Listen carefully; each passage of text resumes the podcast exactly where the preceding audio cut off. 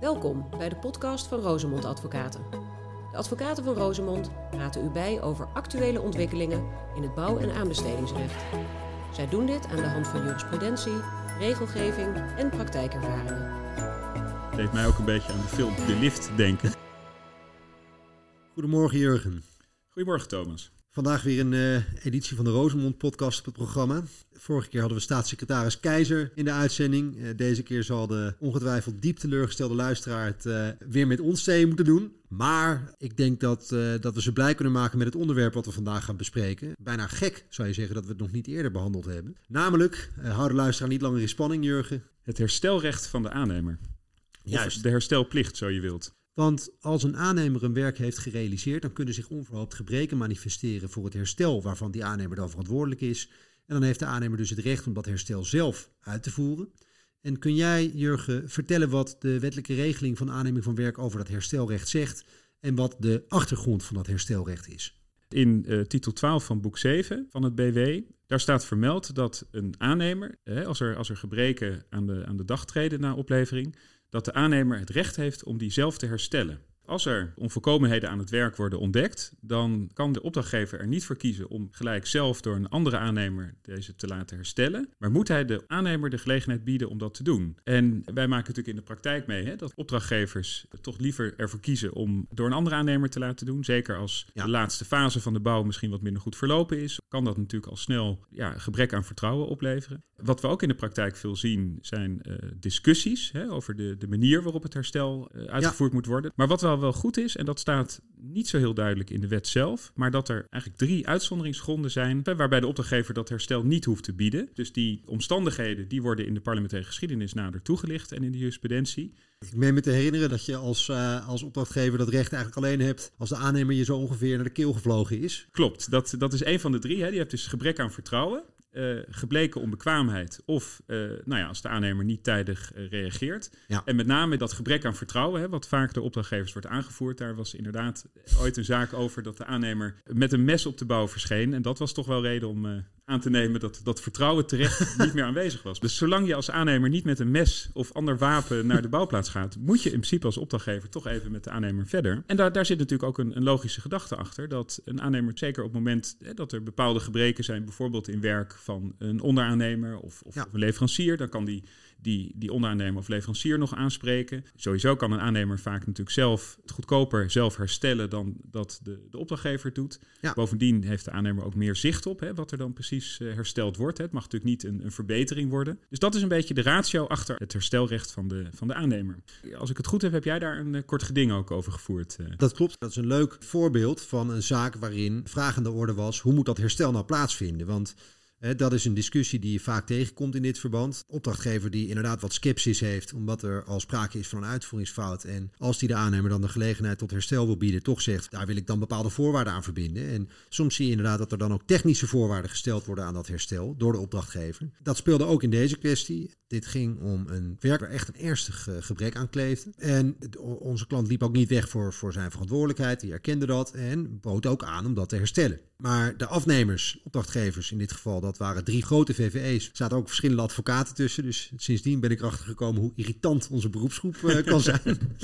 maar onze klant had herstel aangeboden. Uh, en wij waren ervan overtuigd dat daarmee het gebrek dus uh, verholpen kon worden. Maar die VVE's die zeiden, dat willen wij niet op die manier. Wij zijn er niet van overtuigd dat het gebrek op die manier deugdelijk kan worden verholpen. Daarover ontstond discussie. en die discussie werd gevoerd onder een bepaalde tijdsdruk. Omdat de kans op schade steeds groter werd naarmate de tijd verstreek.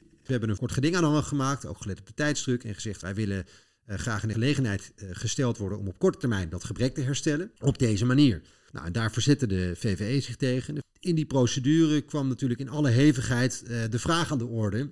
Wie bepaalt nou hoe dat herstel moet plaatsvinden? De wettelijke regeling gaat ervan uit dat de aannemer dat bepaalt. Het is aan de aannemer om te beslissen hoe hij invulling geeft aan zijn herstelverplichting. Maar uit de jurisprudentie valt wel een uitzondering af te leiden, want als op voorhand al duidelijk is dat die herstelmethode die de aannemer aanbiedt zonneklaar ondeugelijk is, dat is de, de toverformule die je in de rechtspraak op dit uh, punt kunt terugvinden, dan mag de opdrachtgever zich tegen die herstelmethode verzetten, maar dat zal niet snel het geval zijn. De omgevingsdienst had zich ook met deze zaak bemoeid. Toen wij de zaak al aanhangig hadden gemaakt, toen verstuurde de omgevingsdienst een briefje waarin stond dat de herstelmethode van de aannemer waarschijnlijk niet zou voldoen aan het bouwbesluit. Ik denk dat op de dag van vandaag de omgevingsdienst dat niet goed gezien heeft. Uh, alleen dat was voor de voorzieningenrechten natuurlijk een hele makkelijke escape. En dus werd deze vordering in kort geding helaas afgewezen.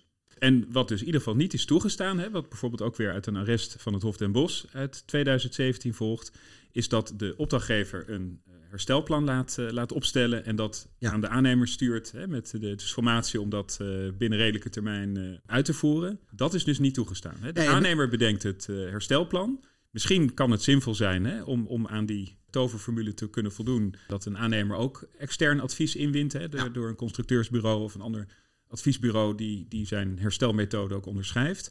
Maar in principe is het aan de aannemer om dat te doen. En ook als de herstelmethode goedkoper is, kan dat, hè, dat is dus geen argument voor de opdrachtgever om te zeggen, ja, die doet het alleen maar omdat het een besparing, hè, omdat je kosten bespaart.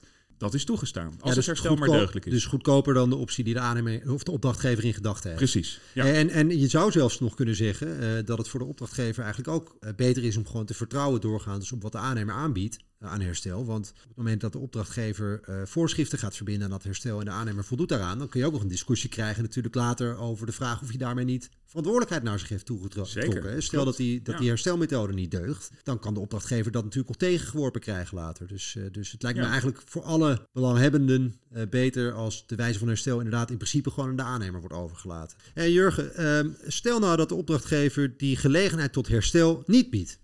Precies, dat is een discussie die je ook vaak in de jurisprudentie ziet. En wat wel aardig is, uh, Thomas, is dat we natuurlijk vaak in deze podcast tegenstelling raad-rechter uh, uh, ja. poneren. En dat we toch vaak tot de conclusie komen dat het oordeel van de raad toch wat, wat evenwichtiger uitpakt. Op dit punt dat in ieder geval in lagere rechtspraak de gewone rechter verder lijkt te gaan dan bij de raad. Dus de, de, de jurisprudentie bij de burgerlijke rechter is eigenlijk voordeliger voor de aannemer. Klopt, klopt. En uh, er is ook in de, in de literatuur uh, het nodig over geschreven. Hè. De, uh, daar zullen we uh, zijdelings iets over opmerken. Toevallig een kantoorgenoot van ons die heeft ook net weer een, een vonnis van de raad binnengekregen waar dit speelde. Ja. waar opdrachtgevers zelf door een derde herstel hadden laten uitvoeren. Jurgen, kun jij uitleggen wat in jouw eigen woorden de, de benadering van de raad is op dit punt?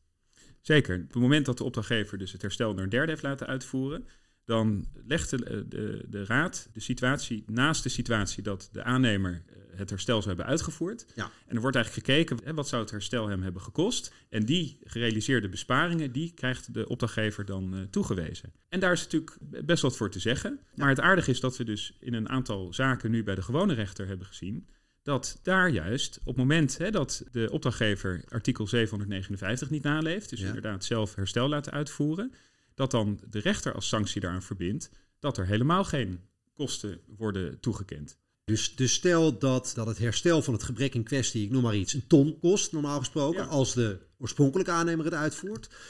En stel dat de opdrachtgever zegt, ik ga naar een derde om het te laten herstellen en ik kost bij die derde 120.000 euro. Dan zegt de raad, je kan die 20.000 euro als opdrachtgever niet ophalen bij de oorspronkelijke aannemer, maar de rest wel. En de rechtbank zegt, je krijgt helemaal niks opdrachtgever. Precies, precies. En daar is iets voor te zeggen, omdat artikel 759 is uh, vrij dwingend geformuleerd. Hè? Daar staat dat de opdrachtgever moet de aannemer die gelegenheid geven.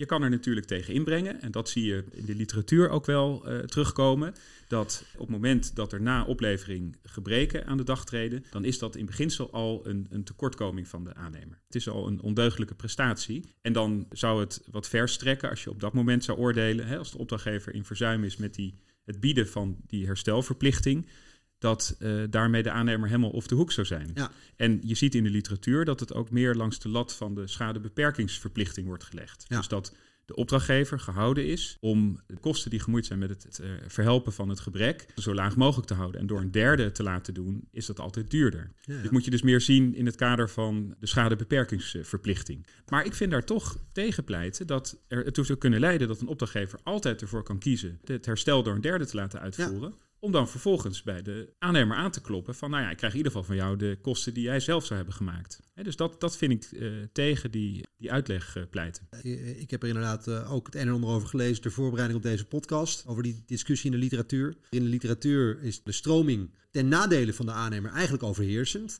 Alleen ze lopen tegen één belangrijk obstakel op, namelijk de wettelijke bepaling zelf. En Klopt. En uh, dan speelt natuurlijk mee hè, dat de titel uh, aannemer van werk is ook uh, pas in 2003 natuurlijk in werking getreden. Hè. Dus de, ja. we hebben ook gezien dat wat literatuur van voor die tijd is. Dus er is eigenlijk over 759 is ook nog niet zo heel veel jurisprudentie, hoe je nee. dat moet, moet uitleggen. Maar ik kan je een voorbeeld geven hoe dat dan bijvoorbeeld ook bij de, bij de raad kan uitpakken. Ik heb een keer een zaak gehad over een automatische parkeergarage. Op een gegeven moment werkte die, die unit niet meer goed. Dat plateau waar de auto op geparkeerd moest worden, die, die stond er niet, maar het licht stond wel op groen. Gelukkig dat uh, degene die de auto wilde parkeren dat, dat wel door had. Dat deed mij ook een beetje aan de film De Lift denken. maar in die situatie uh, hebben partijen vrij lang uh, gesoebat over de vraag hoe herstel moest plaatsvinden. Speelde natuurlijk mee, hè, wat vaak met dit soort discussies is dat de liftleverancier, die, die gaf ook niet thuis. Hè? Die, die deed ook weer een beroep op voor hem gunstige algemene voorwaarden. Hè? Dus die beweerde dat eigenlijk alle aanspraken waren vervallen. Maar goed, in die discussie heeft toch op enig moment de opdrachtgever, en dus volgens de, de raad te vroeg besloten om het herstel door een derde te laten uitvoeren. Nou, en in die situatie heeft de aannemer betoogd, hè, daarmee is zijn vordering, hè, daarmee heeft hij geen enkele aanspraak meer op herstelkosten. En toch hebben de arbiters toen, en die hebben ze zelfs ter zitting hebben ze dat ongeveer geschat, hebben ze toch een bedrag toegekend hoeveel het herstel zou hebben gekost als de aannemer het zelf had gedaan. Hè? Ja, gebaseerd op zijn begroting. En dat kwam voor rekening van de aannemer in het En dat kwam voor rekening van de aannemer. Ja, en daar kun je dus, hè, die kan enerzijds zeggen dat is misschien een, een, een hele redelijke uitleg. Maar anderzijds kun je afvragen of dat zich wel verhoudt met de systematiek van uh, 759. En Jurgen, hebben we met betrekking tot het herstelrecht nog tips voor onze klanten? Ja, zeker Thomas. Op het moment dat een opdrachtgever na oplevering uh, gebreken meldt, om inderdaad, uh, dat klinkt misschien als een open deur, maar dat is toch echt wel verstandig. Hè? We zien dat in de praktijk ook anders. Dat de aannemer echt uh, thuis geeft en ook zoveel mogelijk probeert mee te denken met de opdrachtgever en na te denken over een methode van herstel.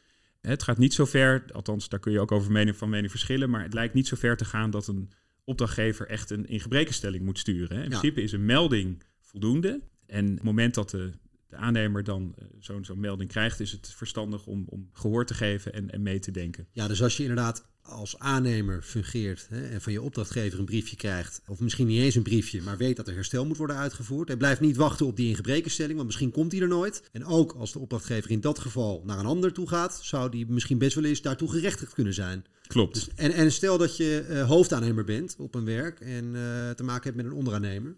Ja. En daar geldt eigenlijk hetzelfde voor. Hè? Dat uh, in de relatie hoofdaannemer-onderaannemer heeft de, de hoofdaannemer natuurlijk de rol van opdrachtgever. Ja, maar dan zouden wij denk ik altijd zeggen, stuur toch voor de zekerheid even die ingebrekenstelling. Ja, het, het, is inderdaad uh, better safe than sorry natuurlijk. Ja. Wat we natuurlijk ook in de praktijk zien is dat de hoofdaannemer wel eens uh, klem kan komen te zitten tussen opdrachtgever en onderaannemer. Ja. Dus op het moment dat een onderaannemer het gebrek heeft veroorzaakt, is het ook heel verstandig voor de hoofdaannemer om die onderaannemer ook in een vroeg stadium mee te nemen. En niet ja. al zelf met de opdrachtgever over herstel te gaan uh, ja. discussiëren. Want voor hetzelfde geld komt hij uiteindelijk hè, komt hij een herstelmethode overeen met zijn opdrachtgever. Ja. En zegt die onderaannemer van ja, maar daar ben ik het helemaal niet mee eens. Of, uh, de, hè, dus dat eh, kan ook nog een, een, een, een, risico zijn. Maar goed, de verhouding hoofdaannemer, onderaannemer, opdrachtgever, dat lijkt me voer voor een volgende podcast. Heel goed. Nou, dankjewel Jurgen. Dankjewel Thomas. Dit was de podcast van Rosemond Advocaten. Leuk dat u luisterde. Heeft u vragen naar aanleiding van de podcast? Mail naar podcast.rosemond.nl of ga naar onze website waar u ook eerdere afleveringen vindt.